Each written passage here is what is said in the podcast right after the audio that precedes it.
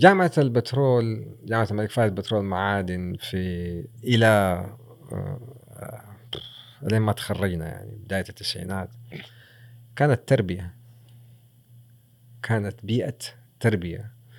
من أول الجامعات آه، يعني طبعا تترمي أنت في أياميها ما كان في يعني كان في مباني بس قليلة في السكن كان في اللاينات اللي هي كانت سكن عمال رامكو أخذتها الجامعة. وفي شاعنه كانت اسطبلات. بس إحنا كنا نطلع عليها اسطبلات.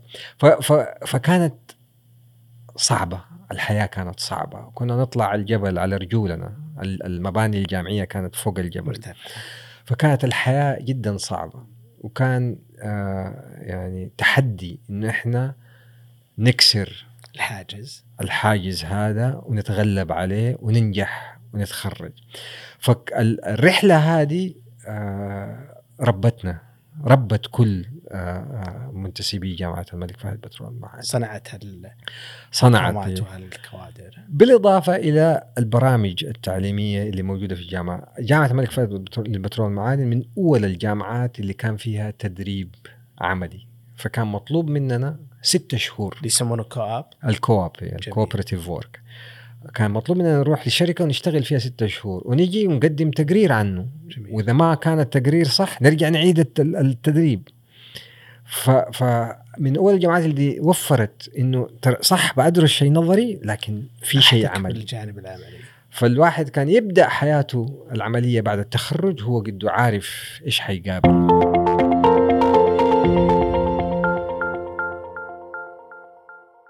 مساكم الله بالخير. أنا عبد الله الكبريش في حديث تنفيذي. نلتقي هذا المساء مع زميلنا موفق جمال أبو بلال أحد القيادات المعروفة في قطاع التجزئة.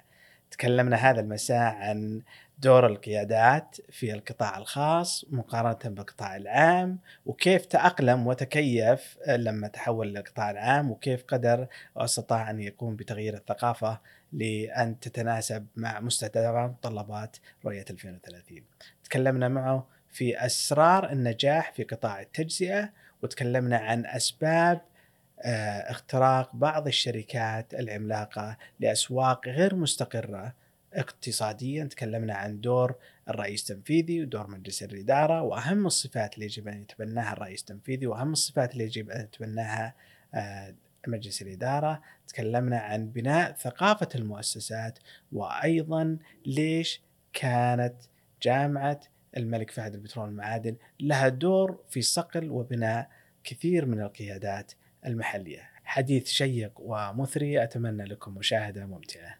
أبو بلال مساك الله بالخير. مساك الله أهلا وسهلا أبو بلال.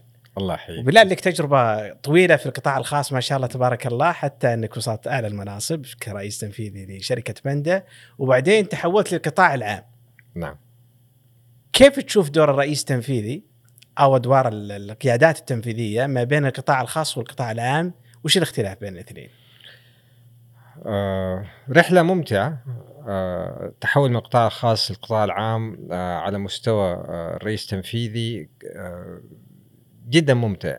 والسبب إنه المرحلة اللي مر بها القطاع العام مرحلة تغير جدا ضخمة. فيها تعلم كثير ولكن الحمد لله اللي أنا مريت به في عملي في القطاع العام طبقت فيه حاجات كثير من اللي تعلمتها في القطاع الخاص. مؤشرات الأداء الحوكمة متابعة الأعمال آه، متابعة المشاريع. فكانت مرحلة جدا ثرية. آه، من ناحية تطبيق ما تعلمناه في القطاع الخاص في القطاع العام إلى درجة إنه وصلنا إلى مرحلة الحمد لله. آه، القطاع الخاص صار يشتكي يقول يا قطاع عام هدوا اللعب يا جماعة ترى ما إحنا لاحقينكم.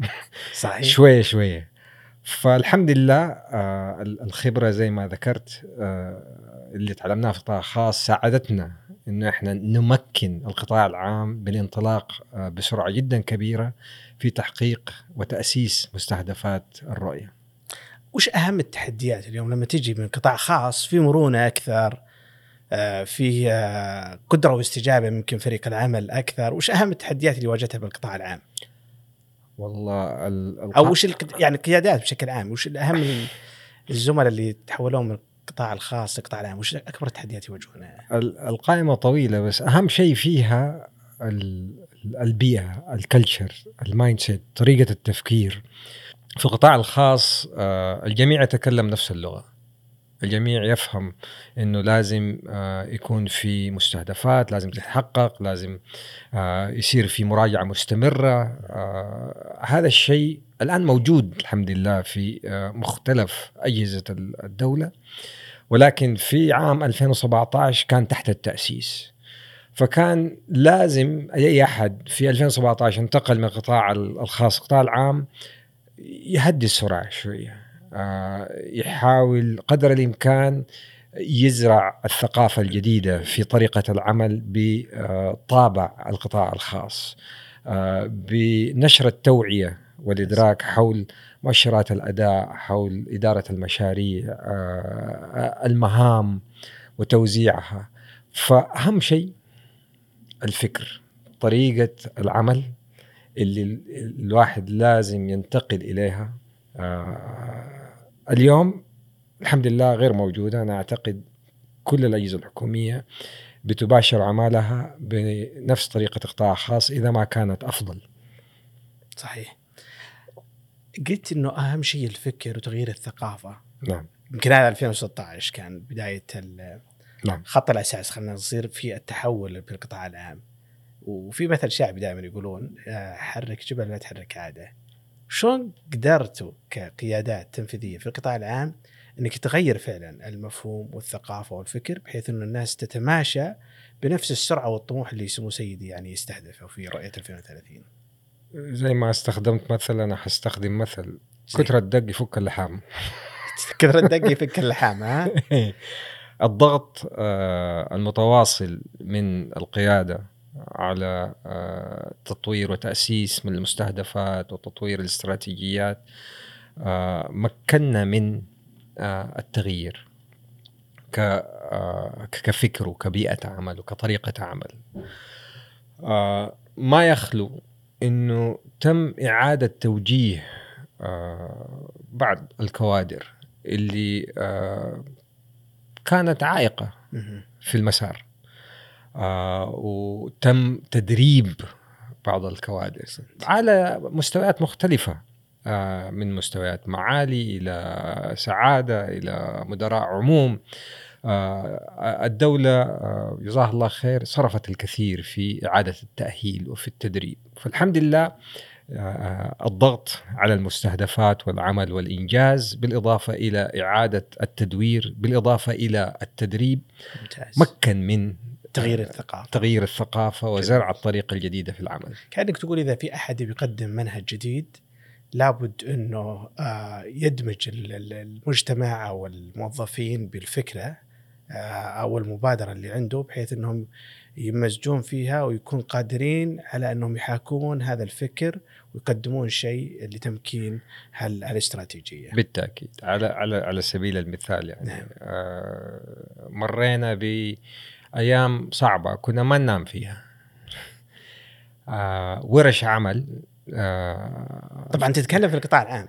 في القطاع العام إيه في نعم. القطاع العام ورش عمل آه، امتدت لأسبوعين لتطوير آه، مستهدفات آه، قطاعات معينة. قطاعات معينة آه، وتحديدا المبادرات. ممتاز. فجلسنا أسبوعين نداوم في أحد الفنادق في الرياض كلنا. عصف ذهني تفكير. عصف ذهني ونشيل ونحط ونلغي وهذه طب كيف حتشتغل وهذه كيف نشغلها؟ المبادرات. و... والدولة جزاها الله خير يعني ما بخلت. المبادرات هذه إيه، كلفت أو كانت رصد لها بعد تطويرها مليارات الريالات لتحقق مستهدفات الرؤية. فالأسبوعين هذه كانت عبارة عن آه، أنا أسميها نقطة تحول ورشة عمل. فكان كل الأمزجة موجودة. موظفين انضموا للقطاع الخاص قريبين موظفين في القطاع العام من قبل. آه، قضوا أسبوعين مع بعض تم فيها إعادة برمجة لطريقة العمل. ما حد كان يجلس لبعد الساعة 2 في الظهر. صحيح. صحيح. كنا نجلس من 8 الصباح لين 8 في الليل أحيانا ل 10 لأنه كان عندنا مستهدف. في خلال أسبوعين لازم نطلع بالمبادرات حقتنا عشان تنعرض على اللجنة الاستراتيجية. جيد. وش أضافت أبو بلال رؤية 2030 لأي رئيس تنفيذي في المملكة؟ يعني كيف كان سلوك الرئيس التنفيذي قبل الرؤية وما بعد الرؤية؟ هل تغير شيء؟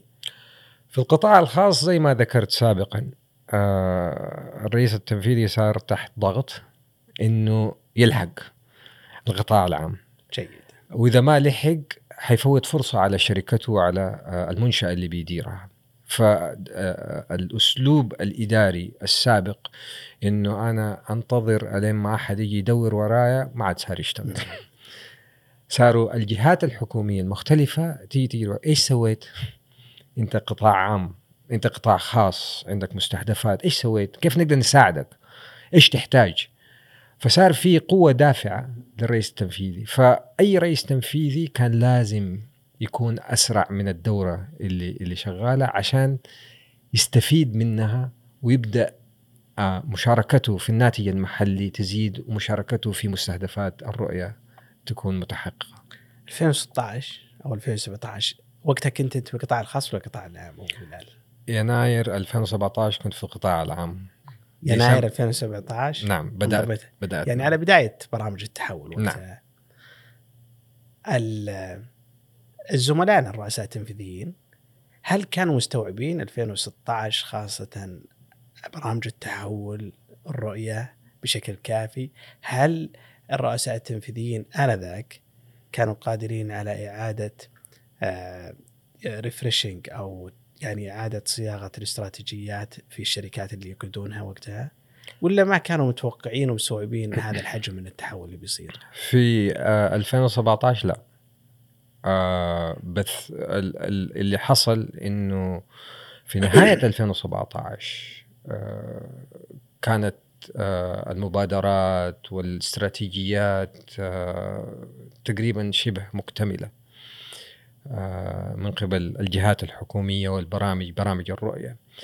وبدأنا زي ما يسمى بمشاركة القطاع الخاص في إيش اللي مطلوب. فكان عند الرؤساء التنفيذيين بداية ال- ال- الفكرة عن إيش اللي صاير في نهاية 2017 وفي هذيك اللحظة بدأ الحراك في القطاع في الخاص. نهاية 2017 نعم. جميل. يمكن هذا اللي يخلي أنا أتذكر في أحد الشركات انضميت لمجلس الإدارة. في يمكن نهاية 2017 بتذكر ما كان فيه إعادة صياغة للاستراتيجيه وكان بعض القطاعات اللي تنوي الشركة الاستثمار فيها خارجه عن خلينا نقول رادار الرؤية 2030 فنهاية 2017 قمنا بعملية تأهيل ثاني مرة الاستراتيجيه لتتوائم مع بالضبط رؤية 2030 بالضبط كيف تشوف يعني بما أننا نتكلم عن استراتيجيات شلون تشوف الشركات السعودية في موضوع الاستراتيجيات؟ آه، هل في استراتيجيات؟ هل هي آه، خطط عمل موجود؟ أتذكر كنا في شركة وكان إذا قلت لهم كمراجع داخلي وين الاستراتيجية؟ كان العضو المنتدى بيقول لي محفوظة في صدور الصحابة. لأنه عارفين هم إيش يبون ولكن ما في شيء موثق ومكتوب. آه، فكيف تشوف أنت وجهة نظرك كرئيس تنفيذي أو عضو مجلس إدارة ما شاء الله عندك عضويات عديدة في الشركات كيف ترى موضوع الاستراتيجيات في الشركات المحلية؟ مهم جدا آه لتحقيق الاستدامة يعني آه اللي ذكر لك آه العضو المنتدب اللي ذكر لك إنه محفوظة في صدور الصحابة كلامه صحيح ولكن آه هذا لا يكفل الاستدامة. آه إذا ما كان عندك شيء مكتوب تشتغل عليه ليل ونهار ما حيتحقق. آه أذكر في عام 1983 آه حصلت لي فرصة وقريت كتاب لمؤلف اسمه زيج زيجلر. نعم. واستخدم مثال دائما يعني آه، في بالي. قال إذا جبت أحسن رامي سهام في العالم وقلت له يرمي السهم على الهدف اللي هي الدوائر هذه والدائره الحمراء اللي في النص. بس قبل ما يرمي السهم حقه لفيت له عينه وخليته يلف على نفسه خمسة مرات. هل حيقدر يصيب الهدف؟ طبعا لا. ليش؟ لأنه مو شايف الهدف. يقول لك إذا أنت ما أنت شايف الهدف وما حتقدر تصيبه ما حتقدر تحققه. كيف تقدر تحقق هدف ما هو عندك؟ ما هو مكتوب. مو ما أنت شايفه لا ما هو مكتوب ما هو عندك. أحسنت. فالأهداف والاستراتيجيات إذا ما كانت مفصلة ومكتوبة وخطط تنفيذها الخطط التنفيذية لتحقيقها مكتوبة لا يمكن تحقيقها. فهذا الشيء اللي يعني من ضرورات العمل في الشركات انه يكون موجود. أي شركة تأمل في الاستدامة في البقاء لعشرات السنين القادمة بطريقة مربحة لملاكها ومساهميها لازم يكون عندها استراتيجيات طويلة الأمد وتحدث باستمرار.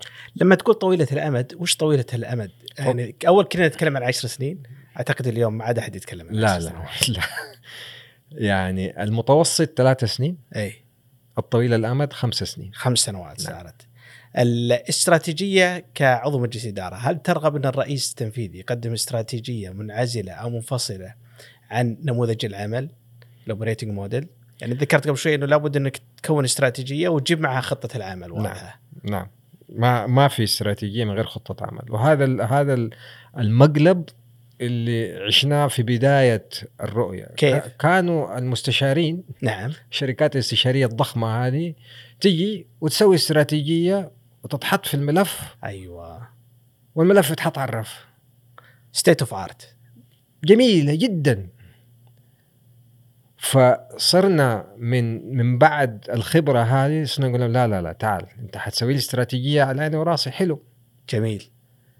أبغى خطة تنفيذية لها. كيف حاحققها الاستراتيجية هذه؟ لأنه الاستراتيجية هذه. مكتوب فيها أنا إيش ححقق مبيعات إيش ححقق مستهدفات إيش ححقق ربحية إيش ححقق طب كيف؟ متى لازم أعين؟ متى لازم أشتري؟ متى لازم أستثمر؟ متى لازم أصرف؟ كيف لازم أصرف طب إذا صرفت وما جاء متى لازم أوقف التفاصيل هذه لازم تنكتب بمراحل زمنية مفصلة عندي سؤال ويهم كثير من الزملاء الرئيس التنفيذيين لأنه كثير اليوم مع التحول هذا اللي إحنا نعيشه يعني يرغب بعملية صياغة استراتيجية.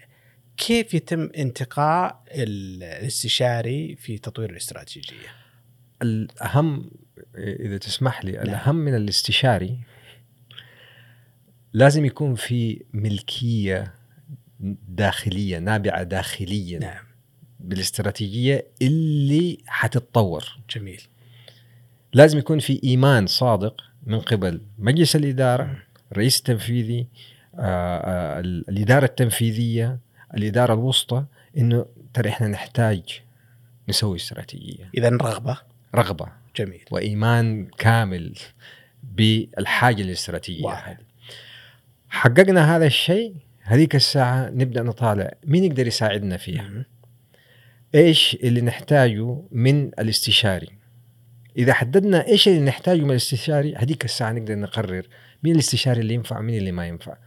وبعد ما نطلب آه، العروض من الاستشاريين لازم نطلب العروض من أقل شيء ثلاثة استشار شركات استشارية. لازم إذا قررنا على استشاري معين لازم نقيم الكوادر اللي حتشتغل معانا على المشروع. لازم الاستشاري يدينا سيرهم الذاتية. إيش المشاريع اللي أداروها قبل كده؟ إيش خبراتهم العملية؟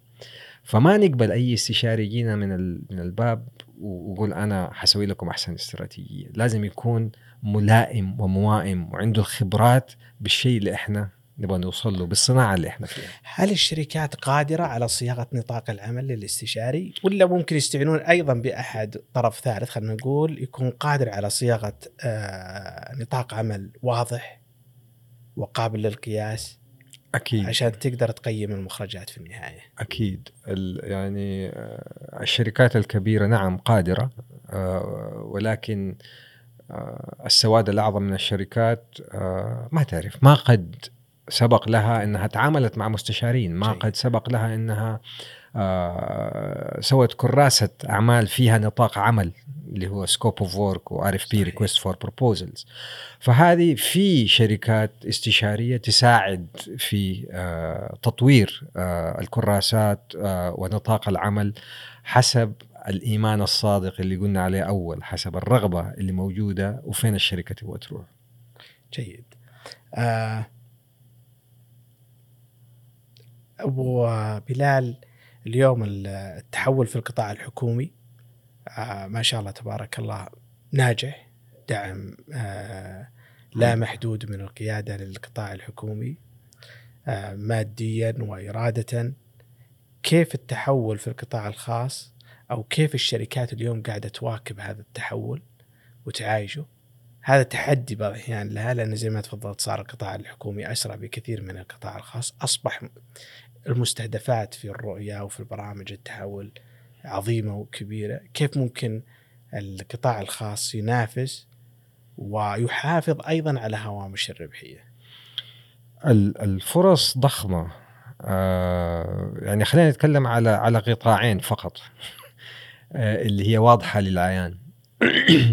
من برامج التحول جودة الحياة من برامج التحول آه، الترفيه آه، البرامج الترفيهية السياحة. أنا كمستثمر كرجل أعمال ما كنت أحلم إن أنا أشارك في موسم من المواسم. ما كنت أحلم بالفرص اللي تولدت اليوم بسبب برامج الرؤية. آه اليوم عندنا أنشطة سياحية ضخمة مهولة صحيح في مناطق فيها الميزة التنافسية للسياحة. فأنا كمستثمر كرجل أعمال ما كانت عندي هذه الفرصة من أول. وإذا كانت في كانت جدا متواضعة لا تدر يعني ما تجيب وجع راسها زي ما يقول اليوم البرامج حقت الرؤية فتح الباب فتحت الباب على مصراعية. فأنا كقطاع خاص بس يعني آه، مع الخيل يا شقره أكون مؤهل آه، في متطلبات معينة على المعايير والمقاييس. آه، الفرص جدا مهولة. ما شاء الله آخر موسم للرياض في اليوم الواحد كنا بنشوف مليون زائر. عمرها ما صارت. المليون زائر هذا إذا الواحد فيهم اشترى بس قارورة موية هذه مليون ريال. في يوم واحد. وما بالك ببقية الأنشطة؟ صناعات مختلفة تدعم من آه البرامج هذه صناعة الهدايا التذكارية صناعة الأطعمة الخدمات النقل الخدمات اللوجستية السكن آه آه التوصيل. فهذه كلها يعني فرص للقطاع الخاص إنه هو يعني زي ما أقول ينط عليها ويكسب الفرصة هذه وما يضيعها. يقتنصها اعرف انك ما شاء الله وبارك لك بحصولك على أحد الجوائز الخاصة في التحول. آه الله يبارك فيك. آه وين الرئيس التنفيذي المفترض يعني يركز على عملية التحول الفترة الحالية؟ في ارتفاع في تكاليف يعني آه doing business بشكل عام في العالم ارتفاع في تضخم في الأسعار ارتفاع في الفائدة. الرئيس التنفيذي وش المطلوب منه عشان يتحول اليوم ويتكيف ويحقق المستهدفات يعني التحول هذه زي ما يقولوا كذا كلمة رنانة جميل. بز بز وورد آه بنسمعها. ولكن آه سؤالك خلاني أرجع كذا وافكر في مساري الوظيفي.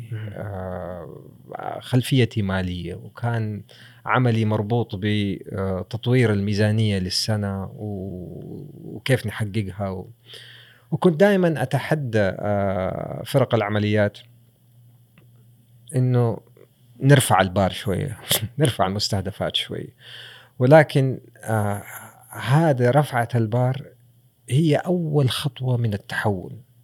كيف أنا أقدر أحقق نمو أكبر؟ بطريقة عمل مختلفة.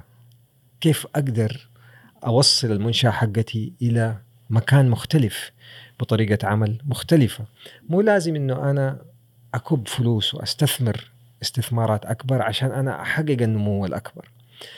اليوم أنا ممكن أجلس شوية أتأنى شوية في الوقت وأفكر أكثر كيف أقدر أخش في فرص أكبر. إيش تحتاج الفرص هذه مني؟ آه، هل تحتاج آه، موارد؟ هل تحتاج آه، علاقات؟ هل تحتاج إنه أنا أفهم كيف أقدر أخش واعرض خدماتي على الجهات المختلفة. فالتحول زي ما قلت كلمة رنانة ولكنها هي ببساطة كيف أنا أفكر بطريقة مختلفة كيف أنا أعمل بطريقة مختلفة. فالرئيس التنفيذي اليوم في القطاع الخاص لازم يفكر يشتغل بطريقة مختلفة عشان يحقق التحول. وهذا المسار اللي لازم كل رئيس تنفيذي يتخذ جيد. أبو بلال 2016 برجع ثاني مرة كان في القطاع الخاص يعاني من تحديات كبيرة من آه، أحيانا كانت تحديات مؤلمة قاسية نوعا ما آه، صعوبة في حتى سداد الالتزامات للموردين أو بعدين تعافى الاقتصاد كدورة اقتصادية تعافى الاقتصاد الحمد لله. في 2019 واجهنا ارتفاع كبير فجأة كذا في عملية الشحن خاصة من الصين. مارش 2023 بلشت آه، كورونا وكانت قاسية جدا على كثير من من الشركات. كانت منهكة الحقيقة لكثير من الشركات. آه، كيف يعني ترى هذه الفترة الاقتصادية اللي مر فيها الرؤساء التنفيذيين وكيف تعاملوا معها؟ سواء بشكل عام أو بشكل خاص في قطاع التجزئة. أي تحدي دائما بيجيب معاه فرص. كيف؟ آه اللي مر به قطاع التجزئة آه ما كان سهل. وكان آه يعني آه القطاع ينضرب يطيح يبدأ يرفع راسه يرجع ينضرب يطيح يرجع يرفع راسه ينضرب يطيح. فترة كانت جدا صعبة ولكن كلها كانت آه، مليئة بالفرص. آه، مثال على ذلك أيام آه، الجائحة. نعم. كان في حاجتين ساعدت إنه شركات التجزئة تمر بعصر ذهبي. الحاجة الأولى بسبب آه، انقطاع خطوط التوريد العالمية آه، بسبب تواجد المنتجات على الرفوف. الجهات الرسمية جزاهم الله خير أدوا عمل غير مسبوق ما صار في في أي دولة ثانية. عمل جبار. عمل يعني مجهود جبار. السوق ما انقطعت منه الأغذية. الحمد لله. ما شاء الله تبارك الله. وفوق كده آه وقفوا الحملات الترويجية. ففين الفرصة هنا؟ الفرصة لمشغلي التجزئة إنهم صاروا يبيعوا من غير استثمار بالسعر من غير أي تخفيضات. من غير تكلفة. ما إيه ما في ما في استثمار ما في صرف. جيد. فصاروا يبيعوا بالسعر العادي regular price الشيء الثاني كانت فترة جائحة. فكان في شيء اسمه الشراء المحموم. panic buying الواحد كان جالس خايف. لا ينقطع الأكل لا ينقطع الرز لا ينقطع الزيت لا ينقطع. فصار الواحد يشتري فوق آه، حاجته. ف بيع بسعر عادي من غير أي تخفيضات زائد بيع محموم panic آه، buying شركات التجزئة كان بسبب الجائحة هذه عندها فرصة تاريخية حققت منها مكاسب جدا عالية. فكل تحدي كان يصحبه فرصة جدا كبيرة. التحرك اللي تحركوا به الرؤساء التنفيذيين في قطاع التجزئة للأغذية في فترة الجائحة كان تحرك برضو محموم آه، من ناحية آه، تأكيد تواجد الكميات المطلوبة من ناحية تأكيد أنه الكميات هذه موجودة في الأسواق تأسيس شركات توصيل. يعني معظم شركات التجزئة يا اشترت شركات توصيل يا تشاركت يا استحوذت يا فكان فكان يعني الفرص كانت في كل مكان آه، وولدتها التحديات الموجودة. فصحيح كان في ضغوطات كبيرة آه، على بعض المشغلين على كل المشغلين آه، بعضهم استفادوا منها عرفوا كيف يديروها بعضهم ما قدروا يستفيدوا منها بسبب عدم وجود الكوادر الكافية عدم وجود الموارد وهذا طبيعي في كل اقتصاد أعرف إنك عضو أعتقد في منظمة ال retail congress ولا وش اسمها؟ World Retail Congress World Retail Congress وين شايفين الترند حق المسار لقطاع التجزئة بشكل عام؟ هل اليوم قطاع التجزئة يواجه آه، منافسه شرسه من ال e-commerce خاصة في قطاع ال grocery أو التموينات؟ هل آه، بحكم خبرتكم يواجه آه، تحدي كبير مقابل هذه التطبيقات؟ منظمة التجارة أو أو كونغرس التجارة العالمي تم تأسيسه في 2007 تم إطلاقه في برشلونة ويلتقي كل سنة والحمد لله شاركت فيه آه، كل سنة. هو متخصص بالتجزئه هو في التجزئة بخلاف آه، آه، قطاعاته. جيد. يعني الغذائية الملابس المجوهرات فمن 2007 إلى 2012 كان الكلام كله إنه الأونلاين والإلكترونيك حيقضي على التجارة اللي إحنا نعرفها تجارة التجزئة اللي نحن نعرفها. التقليدية. اي إنه ما حيصير في supermarkets ولا حيصير في hypermarkets و... وكل شيء حيصير اونلاين و... في 2012 بدأت الأغنية تتغير شوي. كيف؟ صاروا يقولوا لا حيصير عندنا omnichannel يعني حيصير عندنا ال super وال hyper وال... وال convenience والبقالات وحيصير عندنا الاونلاين برضو. حيصيروا الاثنين موجودين سوا. واستمرت هذه النغمة إلى 2020 في آه 2020 آه حصل ال World Retail Congress آه في نهايته. في 2021 حصل برضه online ال World Retail Congress وشفنا إيش صار في الجائحة وبعد الجائحة. فجو قالوا في 2021 التجزئة كما عهدناها لن تنتهي. لازم يكون عندنا محلات يسموها brick and mortar لازم يكون عندنا supermarkets و hypermarkets ما حتختفي هذه. ليش؟ قال لك شوف لما كان في الحجر المنزلي كل شيء راح اونلاين بس بدأ يخف الحجر المنزلي. هذا شاهدناه في عندنا في المملكة هنا. صار غزو على على ال supermarkets وال hypermarkets صح. مستحيل الناس صاروا يصفوا عشان يخشوا ال supermarket وال hypermarket ف ليش طيب الناس بيصفوا؟ مو عشان بس إنه الشراء المحموم ولكن طبيعتنا إحنا كبشر نحب اللمس ال touch and feel نحب الخبرة التسوقية نحب نتكلم مع الجزار مع الجبان مع آه، آه، موظف الخضروات. نحب ننقي الخضروات بنفسنا.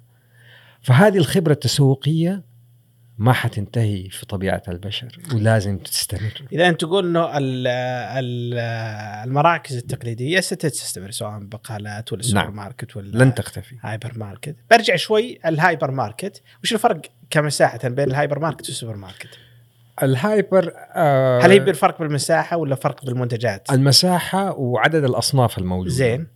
آه الهايبر ماركت يبدأ من فوق 3000 متر مربع. من فوق 3000 نعم. والأصناف؟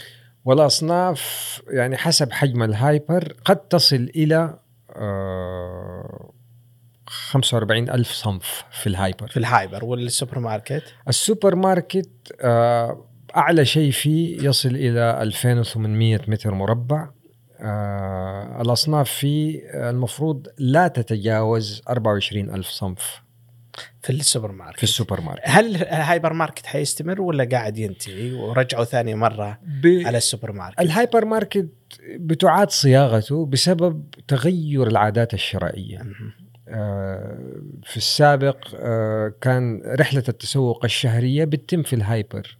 وتروح تقضي احتياجك الشهري من منظفات منزلية لمنظفات غسيل لأكياس رز آه، 40 كيلو آه، ال- الكميات الكبيرة الاحتياج الشهري طيب وش اللي صار؟ اليوم بسبب تغير العادات الشرائية بسبب اللي بدأ في 2017 مم. آه الارتفاع في الأسعار بسبب ارتفاع الشحن الارتفاع في الأسعار بسبب ارتفاع الوقود. آه صارت العادات الشرائية رحلات أكثر للتسوق وحجم سلة أقل. أقل. نعم.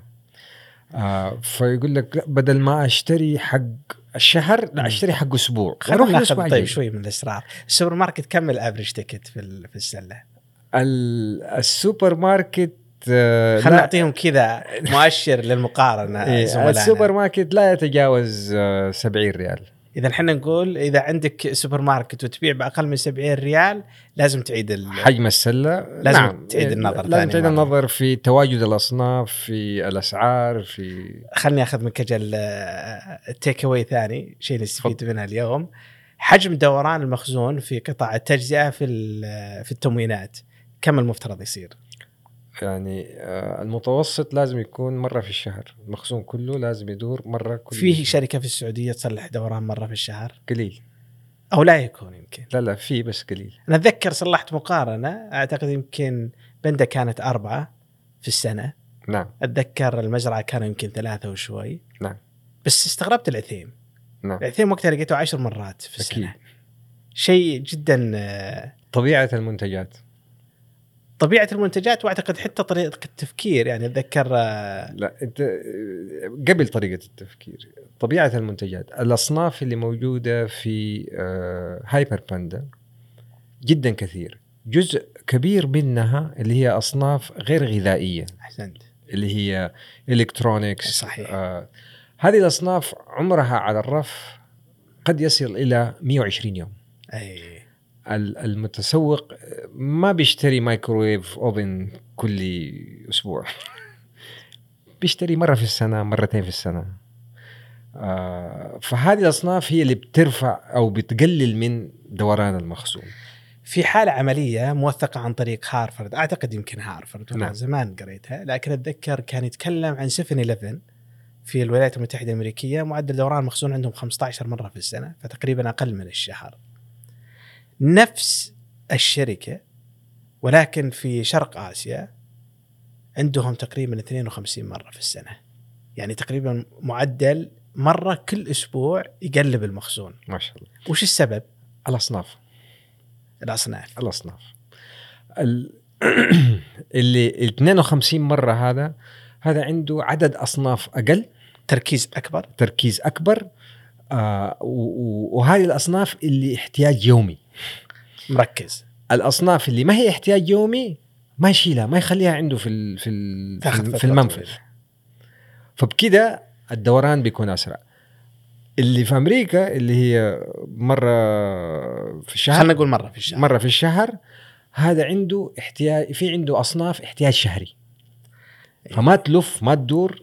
إلا مرة أتذكر الشهر. كان ال- ال- الحالة العملية ذكرت إنه أيضا في شرق آسيا سواء اليابان أو غيرها من الدول كان عندهم ال just in time model اللي هو التوصيل يعني عند الطلب مظبوط. ومربوط ال system integrated مع الموردين بالتالي هو يشوف الحد الأدنى مباشره يزود الشركة الأمر الثاني كانوا يعيدون آه، مواقع بعض الأصناف في المساء عن الصباح لأنه سلوك المستهلك يختلف بالتالي يحاول إنه يرفع آه، حجم المبيعات الدوران قدر. الاستطاعة أكيد آه، وضع ال- البقالات أو التموينات الصغيرة يمكن غير مرضي. ونشوفها مبعثره وما شاء الله ما أدري والله عاد كم حجم عدد ال- البقالات اليوم في المملكة لكنه ما تلقى فيه ال- الموديل اللي نشوفه ال convenience stores هذه اللي نشوفها خارج السعودية. آه، مع إنه في تجربة لبندا عن طريق بندتي يمكن فتحوا ألف محل أو ألف stores اعتقد لا. أو أكثر أو أقل شوي. 350 يمكن رجعوا تقفلت. ما كانت يعني خلينا نقول حالة عملية ناجحة. العثيم حاول عن طريق ركن العثيم قبل بندتي أيضا ما توفق ال- ال- النموذج العمل. وش وش وجهة نظرك في هذا الموضوع؟ كقيادي وكتنفيذي؟ خلينا خلينا نتكلم على حجم السوق. نعم. وإيش تفصيله؟ حجم السوق آه، سوق التموينات الغذائية في المملكة اليوم آه، 156 مليار ريال في السنة. ما شاء الله آه، جزء التموينات الصغيرة هذه البقالات آه، يشكل ما يقارب 30 مليار. يعمل فيها اليوم آه، حوالي 30 ألف بقالة اليوم في 30 ألف بقالة صغيرة في المملكة ممتاز تقريبا أقل أكثر. آه المثالين اللي آه ذكرتهم كانت سابقة لأوانها سابقة لوقتها. آه كان يتطلب فيها آه تشريعات معينة من ناحية السعودة من ناحية التشغيل.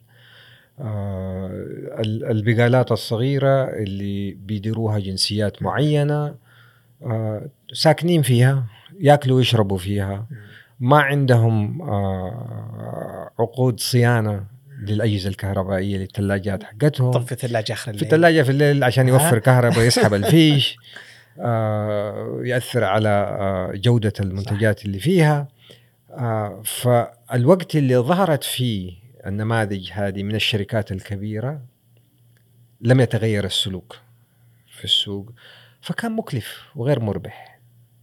و... وكان في نوع من الحرب ضد ال... ال... النموذج هذا. اليوم الوضع مختلف. هذا الكلام في 2012 مم. اليوم إحنا في 2023 بدأ البرنامج والحمد لله أنا شاركت فيه مع معالي وزير التجارة آه، برنامج آه، مكافحة التستر التجاري. ممتاز. آه، كان يعني من مخرجاته اللي هو رفع جودة المعروض في التموينات الصغيرة هذه. فتم تطوير آه، معايير ومقاييس للتموينات الصغيرة هذه. يمكن يعني آه، أي أحد بيسمعني شاف الواجهات حقتها. تم إلزام التموينات الصغيرة هذه إنه لازم يكون في رؤية من الخارج الشارع لكل البقالة جوا. ما يحط بضائع على ال على ال الزجاج الخارجي. الخارجي. لازم يكون في ارتفاع معين للأرفف لازم يكون في عرض معين للممرات لازم يكون في جهاز أصبح في standard يعني. اي في standard في معايير ومقاييس ما يقدروا يشتغلوا من غيرها. مم. ما حققوها ما يحصلوا على الترخيص. فهذه أول دفعة آه بدأ في تطبيقها من من قبل الجائحة بعد الجائحة آه تحسن التطبيق. اليوم ال- النموذج آه أثبت جدواه. اليوم في شركات كبيرة بدأت تنطلق في تأسيس سلاسل من آه التموينات الصغيرة. في آه بريمو لبترومين في الدكان لمجموعة الدباغ. نسمع عندهم الدكان غير دكان أبو يوسف؟ الناغي ولا لا؟ لا الدكان الدباغ. الدباغ. إيه، الناغي عنده نموذج آخر بعلامة تجارية مختلفة. جميل. آه، ال ال فالنماذج هذه حتى أرامكو أرامكو بدأوا يطلقوا البرنامج حقهم. سهل نعم. آه، موجود. فهذه بدأت تظهر. مو بس عشان ال- الجهات الرسمية بدأت تأطر وتطور وترفع من ولكن السلوك الشرائي والاستهلاكي برضو اختلف. اختلف. هل ممكن يكون الامتياز التجاري حل؟ طبعا. أو ممكن. طبعا. للقضاء على التستر والمساعدة بانتشار هالسلاسل من جدا. وهذه أحد. هذه احدى البرامج اللي بتدفع بها وزارة التجارة. آه بس أنا ما أقدر أسوي آه امتياز تجاري. وأعطيه لأبو سعود إذا ما كان عندي نموذج ناجح. فأنا لازم أثبت نجاحي اول تثبتوا على مستوى التموين الصغير هذا. بالضبط أيوه لازم. أنا أشغل أنا. كمشغل كسهل كبريمو كدكان لازم أنا أشغل وأنجح المشروع وبعدين أدي لأبو سعود أقول له هذا مشروع ناجح أنا ما بجرب فيك. فالامتياز التجاري آه إن شاء الله جاي بإذن الله تعالى. وش السر؟ أو عطنا كذا كذا معادلة السر أو خلطة السرية للنجاح بقطاع التجزئة. اليوم بدخل في قطاع التجزئة. وش تقول لي يا عبد الله انتبه ابو سعود؟ ترى هذه معادلة سرية لازم تحطها بين عينيك. آه قطاع التجزئة آه إدمان. آه معادلته آه، التفاصيل. والتفاصيل بكل ما تحمل الكلمة من معاني. آه، من إدارة آه، منتجات من إدارة أصناف من إدارة أسعار من إدارة آه، موظفين آه، من إدارة مشتريات. كيف تشتري؟ إيش تشتري؟ إيش العقود اللي توقعها؟ كيف تقدر تفاوض مع الموردين؟ من إدارة آه، من إدارة شؤون مالية. وهذه أهم شيء في قطاع التجزئة. قطاع التجزئة أو صناعة التجزئة آه، ليست بال بال بالحد الأقصى. ولكن أهم شيء في قطاع التجزئة إنها كاش فأنت بتشتري بالآجل وبتبيع كاش فعندك فرصة إنه يكون عندك كاش في فترة معينة تدور في المخزون حقك وتستثمره في آه، مسارات موازية لقطاع التجزئة. تدعم قطاع التجزئة. وهذا الشيء اللي بيسووه الشركات الكبار. الشركات الكبار بيحققوا مشتريات جدا ضخمة. على إثرها يحققوا مبيعات ضخمة كاش.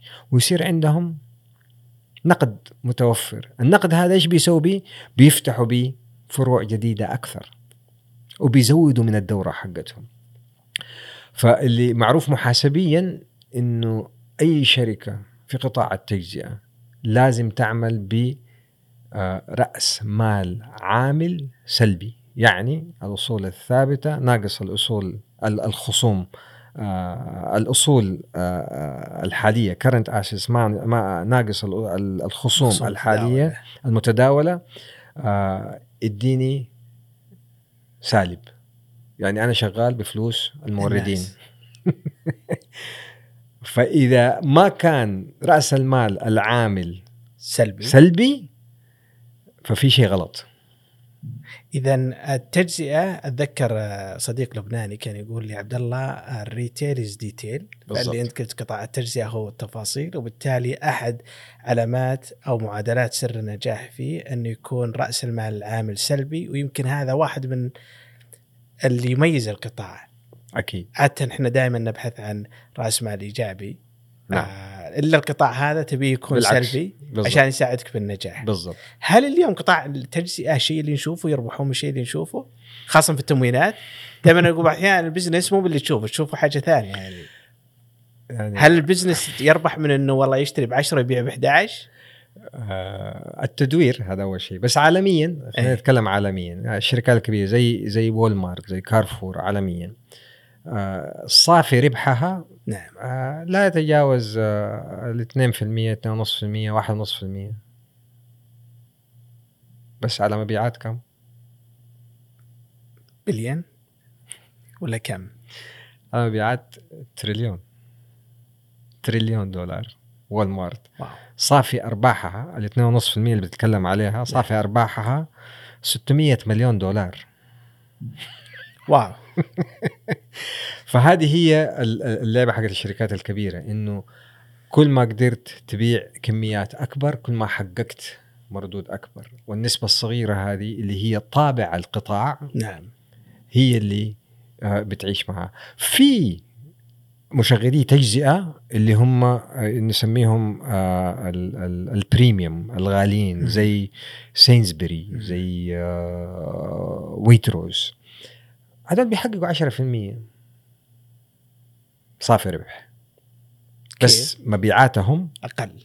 ما هي بنفس الكثافة حقت وول مارت وحقت. آه آه، ف فال 10% حقتهم على آه آه مقام أقل. طيب نشوف بعض الشركات اليوم ليستد وتعاني خاصة في قطاع تجزئة التموينات. تعاني من ربحية مو بتعاني إلا خسارة. ها وتطلع نتائج ربعية خسارة. وش السبب بحكم خبرتك؟ آه يعني أي شركة في قطاع التجزئه بتخسر اليوم مرت باللي ذكرناه سابقا من ضغوط آه في ارتفاع آه التكاليف. آه عدم إدارة التكاليف هذه بالطريقة المثلى آه من ناحية مصاريف تشغيلية من ناحية شراء من ناحية صرف واستثمار. في آه، الحملات الترويجية آه، لشخص زي كذا بيطالع من برا قد تكون هي الأسباب في عدم تحقيق الربحية ولكن في شركات أخرى مدرجة وفي شركات غير مدرجة بتحقق ربحية ما شاء الله تبارك الله بروح على ال hard discount ولا الخصومات نعم. الترويجية يتهم دائما أبو بلال إنه فترة من الفترات كان يحاول يشتري كميات ضخمة عشان ياخذ آه الريبيت أو يسمونه آه الاسترداد. استرداد الخصومات. الخصومات اللي تجي من الموردين.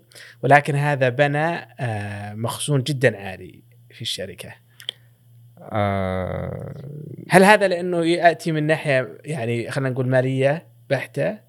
ولا لها سبب؟ لا لها أسبابها. آه بناء المخزون لسبب تحقيق الخصومات آه غير صحيح كليا صحيح جزئيا. آه التجزئة في المملكة وفي كل العالم تمر بدورات. ف من بداية السنة الميلادية آه بتكون مبيعات بطيئة. وتبدأ أي شركة تبني في المخزون حقها ليش؟ عشان موسم رمضان. إذا ما أتأكدت انه المخزون اللي يحقق لك المبيعات حقت موسم رمضان موجود عندك قبل رمضان بثمانية أسابيع فأنت ما حتحقق 70% من ال business حقك في السنة. إذا لازم يكون موجود قبلها بثمانية أسابيع. قبل ثمانية أسابيع. كافي لي. لتحقيق مبيعات رمضان. موسم رمضان يبدا متى؟ يبدا في قبل رمضان كم؟ واحد شعبان. عجيب. بأربع أسابيع. لازم تكون الأسواق جاهزة بكل المخزون لتحقيق المبيعات. فهذه لا مفر منها لازم إيه. تبني بعد ما يخش رمضان تبدأ عمليات التصفية ويبدأ المخزون ينزل. آه تبدأ تخش في الربع الرابع. الربع الرابع في كل المملكة كل المشغلين آه يكون في يسموها الذكرى السنوية. صحيح. الانيفرساري والذكرى السنوية هذه فيها تحقيق مبيعات جدا عالية. فيها هدايا سيارات وفيها حملات ترويجية وفيها فأنت ما تبغى تصرف في الحملات الترويجية وما يكون عندك بضاعة. أنت لازم تبني. المخزون. بالضبط. فيبدأ بناء المخزون من آه يعني خلينا نقول بداية الربع الثالث منتصف الربع الثالث ولكن اللي اللي آه يجب ذكره طالما آه تم اتهامي إنه المعالجة المحاسبية لا تسمح لأي شركة إنها تسجل الخصومات بس عشان اشترت المخزون. الخصومات يتم تسجيلها إذا تم البيع. فطالما المخزون موجود لا يتم تسجيله.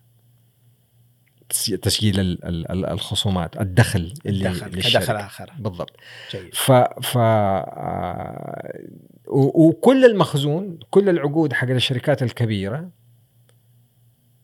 يتم إرجاعه. إذا ما تباع لفترة معينة نعم. المورد يا يجي يسوي عليه بروموشن على حسابه يا يتم استرجاعه من قبل المورد طيب الفترة الأخيرة أبو بلال شفنا كثير من العلامات والأسواق الكبيرة كلها صار عندها private labeling وعلامات خاصة فيهم نعم. هذا السلوك ليش؟ وش المفترض يكون حجمه؟ وكيف وجهة نظرك فيه؟ آه إحنا بنتعلم من العالم كله. فمن من عام 2000 و 2005 2006 آه بدأت تظهر آه منتجات العلامات التجارية الخاصة آه في مختلف آه مشغلي التجزئة. الهدف من آه العلامات التجارية الخاصة آه توفير منتجات بجودة مماثلة للعلامات التجارية القيادية في السوق بأسعار أقل لا تقل عن 25% آه طب ليش بيسووها لاعبي التجزئة؟ في البدايات كانوا بيسووها للضغط على العلامات التجارية القيادية إنه ترى في منافسة غير منافسة العلامات التجارية الأخرى اللي هي آه، منافسينكم أنتم اللي هم شركات المنتجات سريعة الحركة. في منافسة كمان من العلامة التجارية الخاصة. فبكده تمكن أو يمكن مشغلي التجزئة من الضغط على التفاوض. الموردين. التفاوض مع الموردين على أسعار أفضل على على أنشطة وفعاليات كم نسبتها من المبيعات؟ آه خليني أتكلم عالميا بعدين أتكلم على المملكة هنا. سمع. عالميا آه يختلف المشغل حق التجزئة. فعندك مشغلي التجزئة اللي هم ال hard discount اللي ما هم موجودين عندنا في المملكة اليوم اللي هم مثال الدي وليدل وبيم دائما بيكون العلامة التجارية الخاصة حقتهم جدا مرتفعة تصل إلى 70% جميل. واحيانا 80% المشغلين العامين زي وول مارت زي كارفور زي آه تسكو آه العلامة التجارية فيها لا تتجاوز ال 20% أوكي. قد تصل 25% بس قليل جدا. في المملكة عندنا هنا آه بسبب إنه المستهلك آه خلينا نقول براندد فهو دائما يبحث عن علامة تجارية معروفة. آه ما يبغى يجرب علامة ما يعرفها. اللي ما تعرفه تجهله صحيح. تخاف منه. آه ولكن مع آه بالتالي كم النسبة؟ الاستمرارية آه النسبة في المملكة آه، متوسط خلينا نقول 4% متوسط. في بعض المشغلين قد تصل عندهم إلى 7% جيد. بعض المشغلين آه لما كانوا يحققوا 5% كانوا يحتفلوا. ما شاء الله. يعني الآن تقول لي برا خلينا نقول في الأسواق العادية مو بال hard discounted brand يصلون تقريبا ل 25% ومحليا 4% المتوسط والشاطر فيهم يصل ل 7 8% مضبوط أسباب اليوم انتقال كثير من العلامات التجارية خاصة بالتمويلات والتجزئة للسوق المصري. آه وش وش وش أسباب انتقال آه نعم. كثير من العلامات اليوم المحلية في التموينات والتجزئة إلى السوق المصري. هل كمشغلي تجزئة. كمشغلين تجزئة. نعم. السوق. آه سوق تجزئة الأغذية. نجاحه مكفول بتواجد المستهلك. فكل ما كان في كثافة سكانية عالية. كل ما كان نجاح مشغل التجزئة أعلى إذا إذا نبغى نقارن نقارن بالمملكه هنا فتلاقي آه، منافذ التجزئة لتموينات التغذية الأغذية آه، كثيرة فين؟ في المناطق السكانية العالية الرياض السكانيه صح. الرياض جدة آه، الدمام خبر أبها فهذه المناطق السكانية العالية بتلاقي فيها منافذ تجزئة أعلى من المناطق السكانية اللي فيها كثافة سكانية أقل. آه انتقال المشغلين لأسواق زي مصر. مصر دولة فيها 100 مليون القاهرة لحالها فوق 20 مليون نسمة. آه 20 مليون لازم يأكلوا. صحيح. فالفرصة لكن في مخاطر. تذبذب بسعر العملة. جدا. مخاطر أسواق مختلفة سلوك مختلف. جدا. آه، المخاطر هذه واردة في دول مختلفة ليست محدودة أو مقصورة على صحيح. مصر فقط. آه العملة آه تواجد الأصناف آه سلاسل الإمدادات. آه ولكن أهم شيئين مقابل المخاطر هذه الزبون والموظفين. آه طالما في عميل. عدد العملاء اللازم لنجاح آه، آه، مشغل التجزئة فهذا سبب كافي لعملية إدارة المخاطر الأخرى. مو إنك تسيبها لا تدير المخاطر الأخرى. إنه إنه يصير آه، التمويل ذاتي. إنك ما تضخ فلوس من خارج الدولة إذا في تذبذب في العملة. إنه يصير في عملية شراء مستقبلي للمنتجات اللي تيجي من برا فأنت تعمل يسموها hedging في في الخزينة. تشتري على العملات تشتري آه، تأمن ال- المستويات حقتك من المخزون بأسعار آه، مثبتة لفترات آه، قادمة. ففي لها tools أهم شيئين زي ما قلت. العميل. العميل تواجده و الموظفين. آه، كتكلفة. نعم. الموظفين كتكلفة ولا؟ ك ك كتواجد؟ كتواجد. وكسكيلز ممتاز. كمهارات. فالسوق المصري آه، في كوادر بشرية ضخمة. آه، خليني أنتقل على خبرتك كقيادي في عدة مجالس إدارات مختلفة القطاعات. من قطاع تجزئة في بندة إلى قطاع آه ثاني اللي هو قطاع المطاعم وخبرتك في صافولا أعتقد كنت تمثل صافولا ولا كنت بي كنت أمثل صافولا في هيرفي صافولا نعم. في هيرفي وأيضا في عضوية مجلس الكابلات. كعضو مجلس إدارة هل في اختلاف آخر واحدة إيش كانت؟ كابلات آه، لا ما كنت في مجلس ما الإدارة كنت في في مجلس الكابلات. آه، في العثيم كنت في مجلس الإدارة آه، الآن في مجلس إدارة مطوفي حجاج أفريقيا غير العربية. في قطاع التجزئة أجل خليني أروح التجزئه والمطاعم. اي في التجزئة والمطاعم. آه ترى كلها الاثنين تجزئة مع واحد اختلاف بسيط. اللي هو؟ إنه في آه البقالات لا يتم تحويل المنتج. بنشتري منتج بنحطه على الرف بنبيعه. بيتم تحويل بسيط في المخابز في الملاحم في.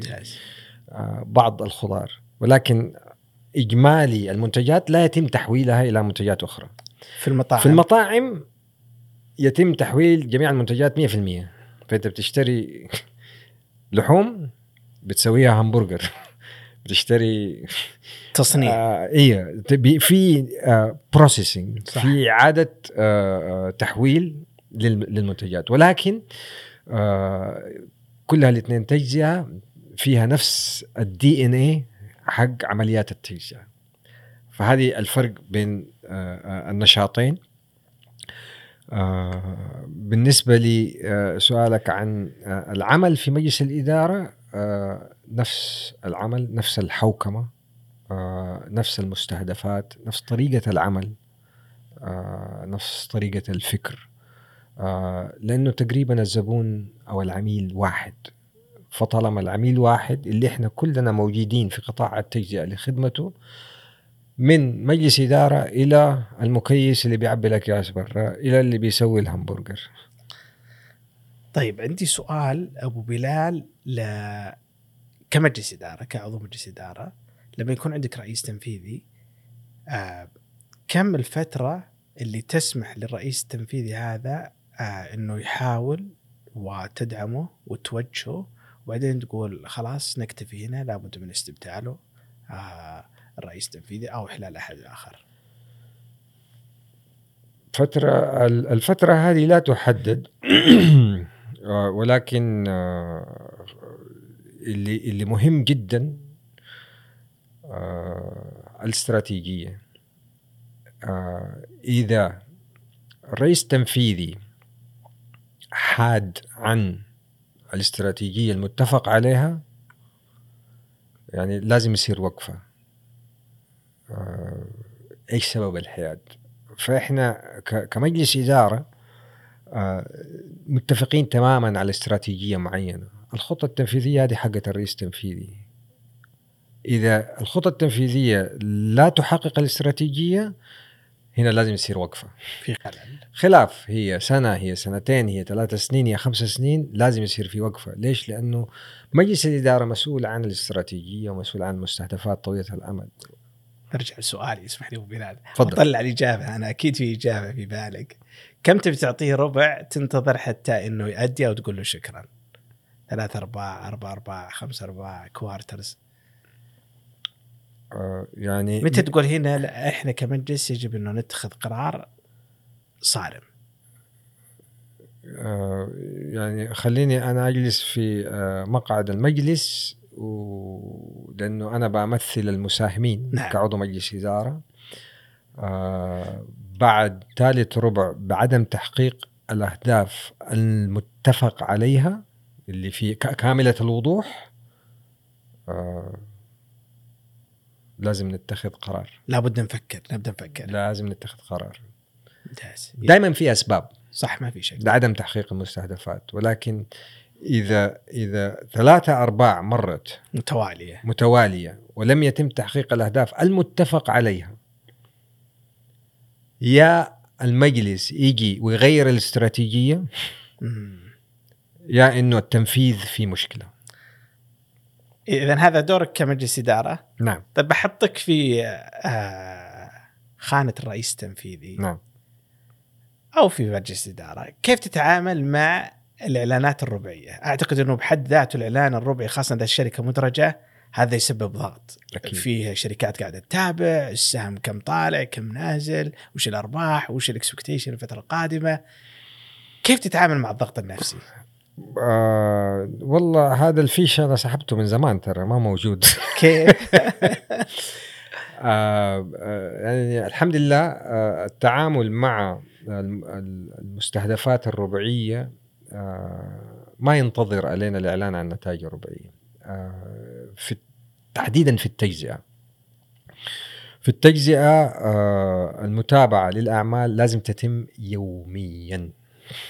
في التجزئة. في التجزئيه لازم تتابع المبيعات اليومية الأسبوعية الشهرية والربع سنوية. هذه المبيعات. ولكن في مؤشرات أخرى لازم تتابع عشان تحقق ال- ال- ال- المستهدف الربعي الربع سنوي. ودائما لازم يكون عند الرئيس التنفيذي خطة.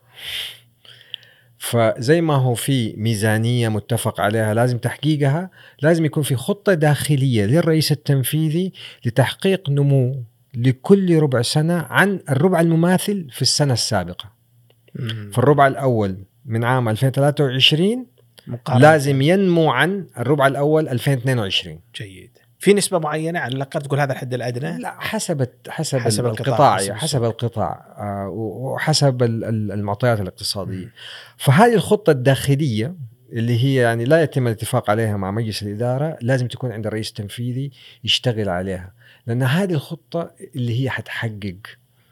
المستهدفات السنوية حقت جيد. آه، المنشاه جيد. ال- كعضوية مجلس إدارة أشوف بعض الشركات آه، ترفع رأس المال تخفض رأس المال ترفع رأس المال تخفض رأس المال ترفع رأس المال يعني يمكن أربع خمس مرات في خلال الثلاث الخمس سنوات الماضية وهذه الشركات مدرجة. وأصبح أقرب ما لها يعني عملية حرق رؤوس الأموال. كيف آه، تشوف العملية هذه؟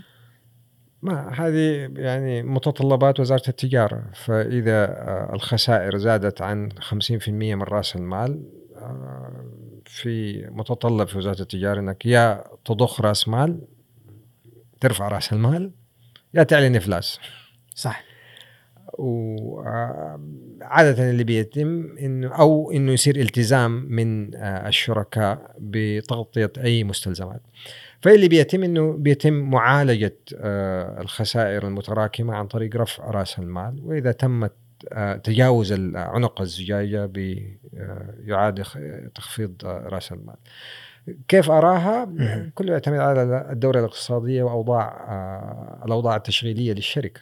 للشركات المختلفة فأي شركة بتمر بمراحل زي دي ما عندها حل غير أنها تتعامل معها آه يعني هذه نتيجة رفع رأس المال أو تخفيضه هذه نتيجة ل آه، آه، متحققات على أرض الواقع لخسائر متراكمة لعدم تحقيق مبيعات لتحقيق مصروفات عالية.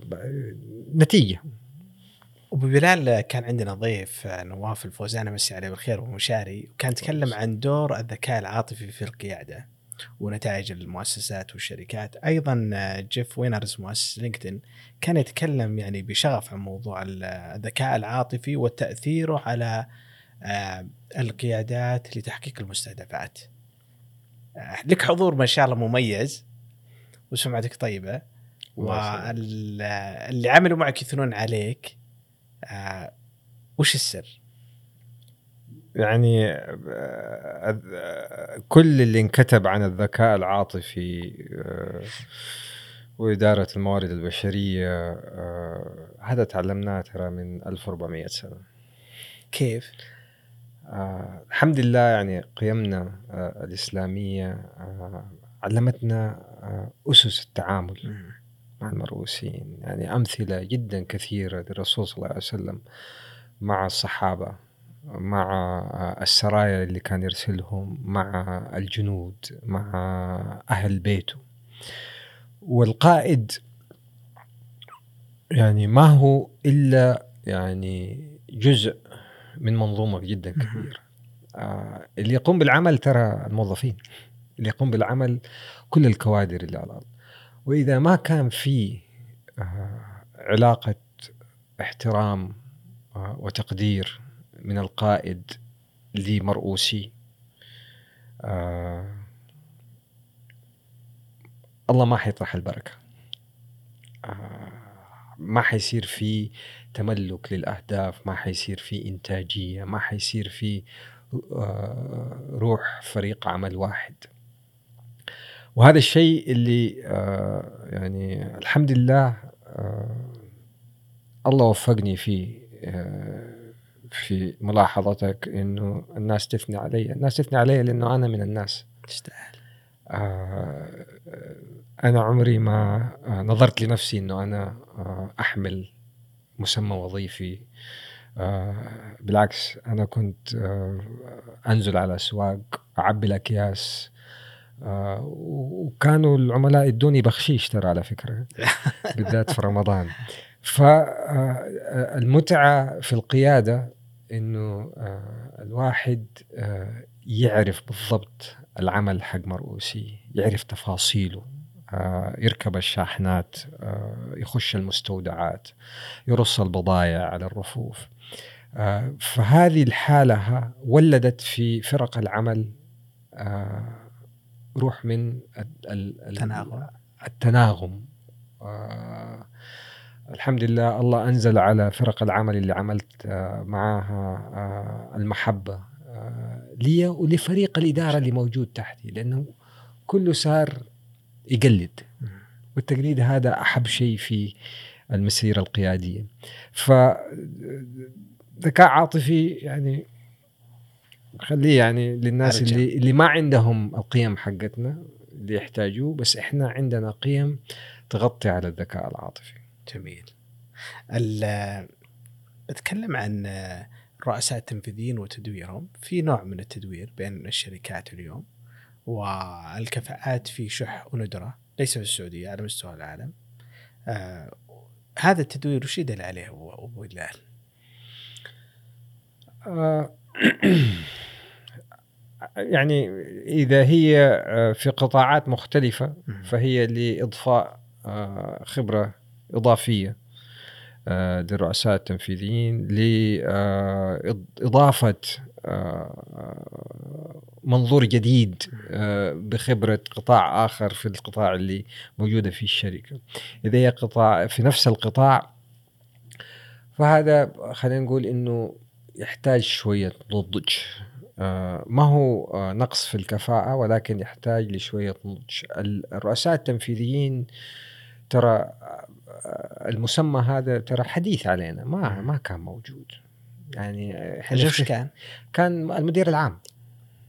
يعني خلينا نسميه المدير العام ولا الرئيس التنفيذي؟ آه، كان المدير العام. فالرئيس التنفيذي هذا مسمى جديد. آه، هل إحنا نعرف نتعامل معه؟ بنتعلم. آه، بنتعلم كيف نتعامل معه. بنشيله بنحطه بنغير مكانه. أنا عندي وجهة نظر بعد تتفق معي ولا أنا أقول هذا ال- التدوير أو الانتقالات اللي من مكان لمكان هذا يعني إنه في ضعف في تكوين خط ال- الخط الثاني من القيادات أو تأهيلهم ورفع من كفاءتهم اللي هو ال succession plan، كيف تشوف هذا الموضوع حاليا؟ أشوف إنه يحتاج تطوير آه، يعني إذا إذا أنا بتكلم عن القطاع الخاص نعم. آه، في في حاجة لبناء القدرات آه، في التجزئة تحديدا آه، يعني ما كان مقبول العمل في التجزئه يعني أنا أفتكر في 2004 لما قررت آه، اشتغل ثقافة مجتمع بالضبط هي. في 2004 لما نعم. قررت أشتغل في في قطاع التجزئه يعني كانوا أصحابي يقولوا لي حتى بعض الأهل يقولوا لي حتروح تشتغل في بقالة؟ يا جماعة قلت لهم أنا حروح مدير عام للشؤون المالية. إيه بقالة؟ إيش تسوي في بقالة؟ إيش ال- المسار الوظيفي اللي, اللي حتسويه؟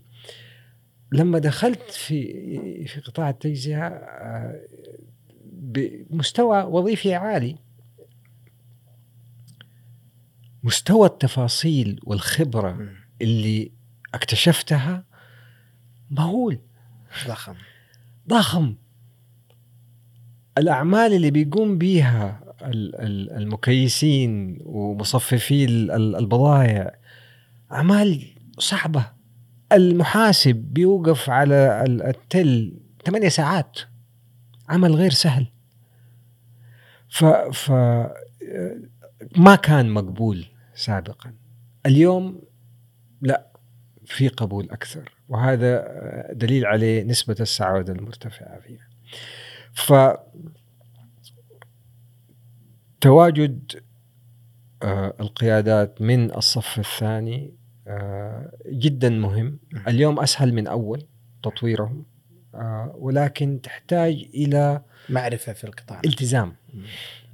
التزام. من الشركات ومتابعة. زي ما إحنا عارفين. كل كل قطاع وفي يعني مر بمراحل مختلفة من التحول والتحور والتطور. إحنا شعب آه، يعني اليوم كنا بنتكلم فيها في في المؤتمر آه، مؤتمر التجزئة مؤتمر قادة التجزئة. في الشرق الأوسط وشمال أفريقيا كنا بنتكلم فيها آه، 60% من سكان المملكة تحت 30 سنة مم. أعمارهم فإحنا دولة يعني صغيرة جيد وهذا شيء جدا ممتاز. ليش؟ لأنه إحنا نقدر نغير ونركب ون- ونعدل. فنحتاج نرفع من مستوى نقل المعرفة في قطاع التجزئة. والحمد لله في الخبرات اللي عديت بيها تم نقل المعرفة بطريقة جدا سريعة بطريقه جدا سلسة. وأقدر أذكر أمثلة يعني جميل. للصف الثاني. آه، في مثال أدى علي آه، شخص عزيز وحبيب بدأ مكيس وهو يدرس في المرحلة المتوسطة. آه، في خلال عشر سنين أكثر شوية حصل على درجتي ماجستير. ما شاء الله وكان مدير إقليمي تابع له ثلاثة ألاف موظف ومسؤول عن مبيعات تتجاوز الاثنين مليار ريال. بدأ مكيس. ما شاء الله تبارك الله. تحب تذكر اسمه؟ نمسي عليه بالخير ولا؟ الله يمسيه بالخير أبو نواف. الله يعطيه العافية. أبو نايف. أبو نايف. نايف. أتذكر برجع لموضوع الالتزام خاصة في القطاع هذا. أتذكر أحد الأصدقاء محمد العوهري يمسي عليه بالخير يقول بدأ merchandiser يصفف على الرفوف ووصل في أحد الشركات إلى رئيس تنفيذي لكنه التزم أخذ وقت وأخذ جهد وتعلم التجزئة والتفاصيل والخبايا حقها حتى إنه ما شاء الله تبارك الله قدر إنه يصنع آه، يعني قدراته والمتطلبات اللي تخليه يقود هذه الشركة. كارلوس الغصن له جانب إيجابي وعنده جانب سلبي، في جانبه الإيجابي كان قادر على صناعة التحول من الخسارة إلى الربحية في شركة نيسان بعد ما كانت خسرانة لمدة سبع سنين قدر انه ينقلها الربحية خلال 18 شهر. هل لدينا اليوم نماذج قيادية في السعودية قادرة على يعني صناعة التحول مثل هذه الشركات؟ القائمة طويلة جميل. آه خليني أبدأ تاريخيا آه الله يرحمه ويغفر له الشيخ آه وهيب بن زقر الله يرحمه ويجزاك آه، قلب بنك القاهرة السعودي من مفلس إلى بنك ربحان. آه، آه، حديثا آه، مهندس خالد الملحم. نعم. أول شخص يعني يخش الخطوط السعودية ويشقلبها ويطبق systems جديدة. آه، آه، دكتور آه، غسان السليمان serial entrepreneur الدكتور عبد الروف مناع إنجازات مؤرخة. نعم. الصفوف الثانية موجود منهم كثير. في شريحة الآن طالعة في السوق آه، وأنا أقدرها وأحترمها جدا كثير آه، اللي هم رواد الأعمال. وهذول ترى سي اوز رواد الأعمال هذول رؤساء تنفيذيين. بس بيشمروا بيشتغلوا بيدهم أكثر من الرؤساء التنفيذيين في الشركات الكبيرة.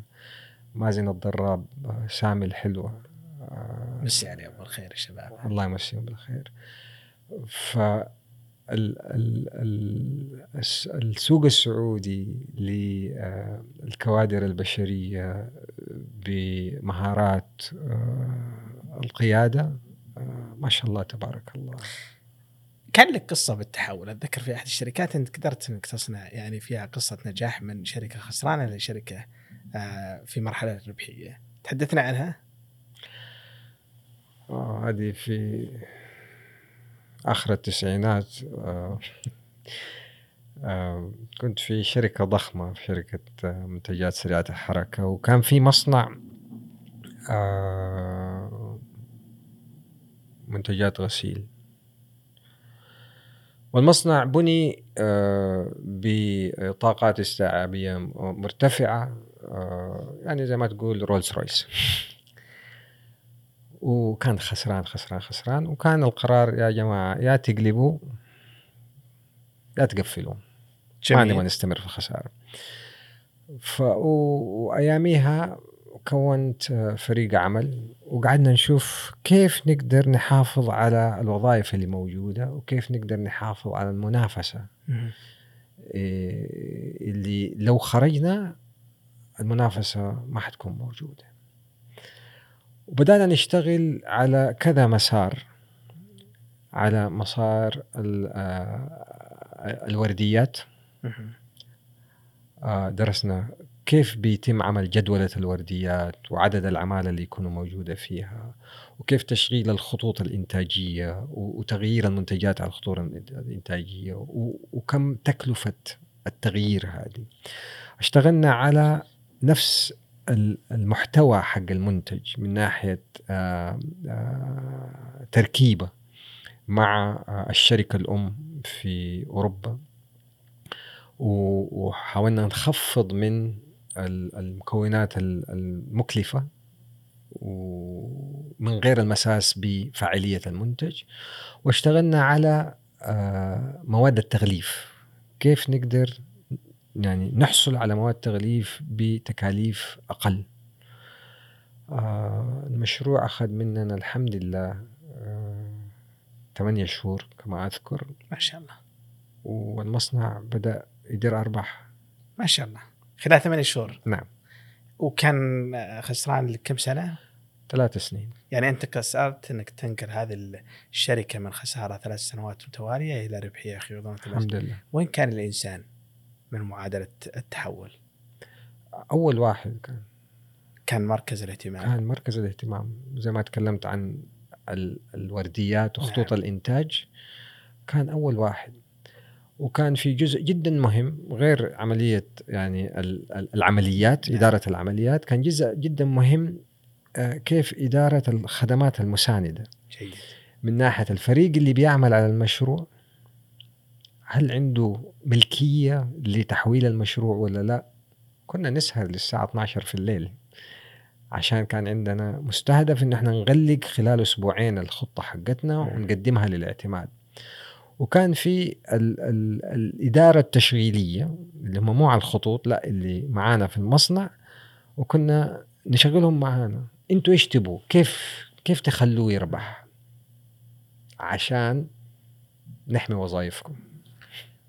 كان همك النمو ولا همك تقليل التكاليف؟ أنا ما أقدر معادله صعبة. هي صعبة بس أنا ما أقدر بس أنا عندي طبعا هدف إني أسأل السؤال هذا؟ خاصة في الوقت اللي نعيشه اليوم. نعم. أنا ما أقدر أنمو بتكاليف مرتفعة.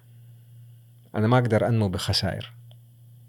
فأنا لازم أحقق نموذج ناجح عشان أنمو. ال- المستثمر دائما يقول لك إذا أنت بتخسر أنا أستثمر فيك ليش؟ صح. فما حيديني الوقود إنه أنا أنمو. فأنا لازم أثبت للمستثمر ولمالك الأسهم إنه أنا أقدر أنمو بطريقة مربحة بطريقة مستدامة عشان هو يقدر يستثمر فيا أكثر. أبو بلال آه ما شاء الله عليك خريج جامعة الملك فهد البترول معادن الحمد لله. وكثير من الرؤساء التنفيذيين أتذكر في دراسة يعني كانت للرؤساء التنفيذيون السعودية تكلم إنه أغلبهم كانوا خريجين البترول معادن. وش السر؟ البيئة. كيف؟ آه، جامعة البترول جامعة الملك فهد بترول معادن في إلى آه، لين ما تخرجنا يعني بداية التسعينات. كانت تربية. كانت بيئة تربية. من أول الجامعات آه، يعني طبعا تترمي أنت في أياميها ما كان في يعني كان في مباني بس قليلة في السكن كان في اللاينات. آه، اللي هي كانت سكن عمال رامكو. أخذتها الجامعة. وفي شاعنه كانت اسطبلات. بس إحنا كنا نطلع عليها اسطبلات. فكانت صعبة. الحياة كانت صعبة. كنا نطلع الجبل على رجولنا. ال- المباني الجامعية كانت فوق الجبل. مرتفع فكانت الحياة جدا صعبة. وكان يعني تحدي انه إحنا نكسر الحاجز. الحاجز هذا ونتغلب عليه وننجح ونتخرج. فالرحلة هذه آه، ربتنا. ربت كل آه، آه، منتسبي جامعة الملك فهد بترول معهد صنعت صنعت القامات وهالكوادر. بالإضافة إلى البرامج التعليمية اللي موجودة في الجامعة. جامعة الملك فهد بترول- للبترول والمعادن من أول الجامعات اللي كان فيها تدريب عملي. فكان مطلوب مننا ستة شهور. يسمونه co-op. ال co-op هي ال cooperative work كان مطلوب مننا نروح لشركة ونشتغل فيها ستة شهور ونجي ونقدم تقرير عنه. جميل. وإذا ما كان التقرير صح نرجع نعيد الت- التدريب. ف فمن أول الجامعات اللي وفرت إنه صح بدرس شيء نظري لكن في شيء عملي. بالجانب العملي. فالواحد كان يبدأ حياته العملية بعد التخرج هو قده عارف إيش حيقابل. كيف تبنى ثقافات الشركات؟ أوه عندك وقت؟ ساعتها عظيم. آه. من الداخل. نعم. آه آه، ثقافة الشركة لابد أن تبنى من الداخل آه على قيم الشركة. آه ما نقدر في أي شركة إنه إحنا نستنسخ ثقافات من خارجها ونجيبها جوا ونطبقها. ما حتشتغل. الثقافة هذه آه، مواصفات دي ان اي في طريقة العمل في طريقة التواصل في طريقة إدارة الأعمال. آه، فعشان تبني ثقافة ناجحة لازم تنبني من جوا. ولازم الكل يشارك فيها. يشارك فيها من ناحية بناء. فالقيم لازم يصير في عليها ورش عمل من قبل الإدارات التنفيذية والمستويات المختلفة. بعد ما يتم إقرارها لازم مجلس الإدارة يشارك فيها مو إنه بس يعتمد لا يشارك فيها ويتحدى يقول ليش هذه القيمة؟ ليش مو قيمة أخرى؟ فها فكل ما كانت داخلية وتم تطويرها من جميع آه، المشاركين في الشركة كل ما كانت الثقافة مستدامة طويلة الأمد آه، تعبر عن شخصية الشركة وتعيشها الشركة مو بس تكتبها على لوحات وتحطها على على الجدران لا تعيشها في طريق في طريقة عملها كل يوم. لو قلت لك أبو بلال عطني أهم ثلاث توصيات للرئيس التنفيذي. بس ثلاثة؟ اللي تقدر عليه. آه، أهم شيء آه، لازم الرئيس التنفيذي يسويه إنه يكون عنده مهارات تواصل جدا عالية وجدا متكررة. تواصل مع جميع آه، المشاركين في الدائرة حقته. تواصل فوق مع مجلس الإدارة تواصل مع زملائه تواصل مع بقية المنشأة. آه، بخلاف أنه المنشأة تكون صغيرة أو كبيرة آه، يكون فيها مية موظف ولا يكون فيها آلاف الموظفين. مهارة التواصل في غاية لازم يتواصل بطريقة مهيكلة باستمرار. باستمرار. باستمرار. لأنه إذا ما صار عند الرئيس التنفيذي قنوات تواصل آه، على فترات معينة مع كل المنشأة حيصير في خلل حيصير في انفصال من آه، عن الثقافة حيصير في انفصال عن المستهدفات. الثانية؟ فالتواصل جدا مهم. الثانية آه، التفاصيل. الرئيس التنفيذي آه، دوره مو زي دور مجلس الإدارة. رئيس تنفيذي مسؤول عن جميع النواحي التنفيذية فلازم يكون ملم بجميع التفاصيل. لازم يكون عنده نظام حوكمة معين يكفل له أنه يكون مطلع على جميع تفاصيل عمليات الشركة بيراجعها باستمرار بطريقة دورية.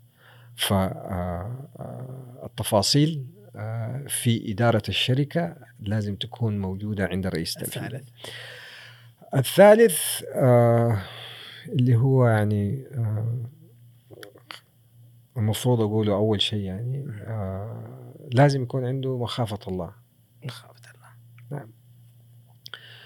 آه طالما آه رئيس تنفيذي يخشى الله في جميع قراراته التنفيذية الله سبحانه وتعالى حيبارك له. وحيسر له الكوادر اللي تقدر تحقق مستهدفات الشركة لأنه من غير توفيق الله لن يتمكن رئيس تنفيذي من تحقيق مستهدفاته. بل بس آه، أبيك تلبس قبعة آه، عضويه مجلس الإدارة. وشلون توصي زملائنا بأهم آه صفات لعضويه مجلس الإدارة؟ أو دوره يعني كعضو مجلس الإدارة وش توصيهم؟ أول دور آه، لعضوية مجلس الإدارة مجلس الإدارة آه، لازم يكون دوره استراتيجي. آه، ملم بالتفاصيل وليس بكامل التفاصيل. أوكي. فدور استراتيجي جدا مهم. الشيء الثاني مجلس الإدارة لازم يكون عنده أكثر من مصدر يثق فيه للمعلومات. مؤسس محوكم. مو زي ما يقولوا آه كلام ممرات. يعني أنت مصدرك الرئيس التنفيذي؟ نعم. مصدر مصدرك رئيس تنفيذي والرئيس التنفيذي بيأسس آه، قنوات للمعلومات بتروح لمجلس الإدارة. صحيح. ممكن ما مو هو اللي يسويها. ممكن يأسس قناة عن طريق آه، الشؤون المالية نعم. قناة عن طريق آه، آه، آه، اللجان المختلفة مم. هو مسؤول عنها فمجلس الإدارة لازم يحترم القنوات هذه جيد وما يسبب شوشرة إنه هو ياخذ معلومات من مصادر أخرى مم. إذا صار صارت آه، أو وصلت لمجلس الإدارة معلومات من مصادر الم- مجلس الإدارة أو عضو مجلس الإدارة لازم يكون عنده الشجاعة إنه يجلس مع رئيس تنفيذي ويقول له هذه المعلومات وصلتنا نبغاك تتحقق منها. ما يقول له هذه المعلومات صحيحة لا يطلب من رئيس تنفيذي لأنه رئيس تنفيذي تم إيداع الثقة فيه من مجلس الإدارة صحيح لتحقيق المستهدفات. وإذا هذه الثقة اهتزت العلاقة ما حتستمر ثلاثة تكلمنا عن الدور الاستراتيجي وتكلمنا عن وجود هيكلة مصادر المعلومات الموثوقة. مجلس الإدارة آه، بيلعب دور جدا مهم. مجلس الإدارة ليس فقط آه، آه، بيحاسب الرئيس التنفيذي على تحقيق المستهدفات ولكنه يدعم الفريق التنفيذي لتحقيق المستهدفات. من ناحية علاقات مع العالم الخارجي علاقات مع الجهات الرسمية من ناحية مشاركة في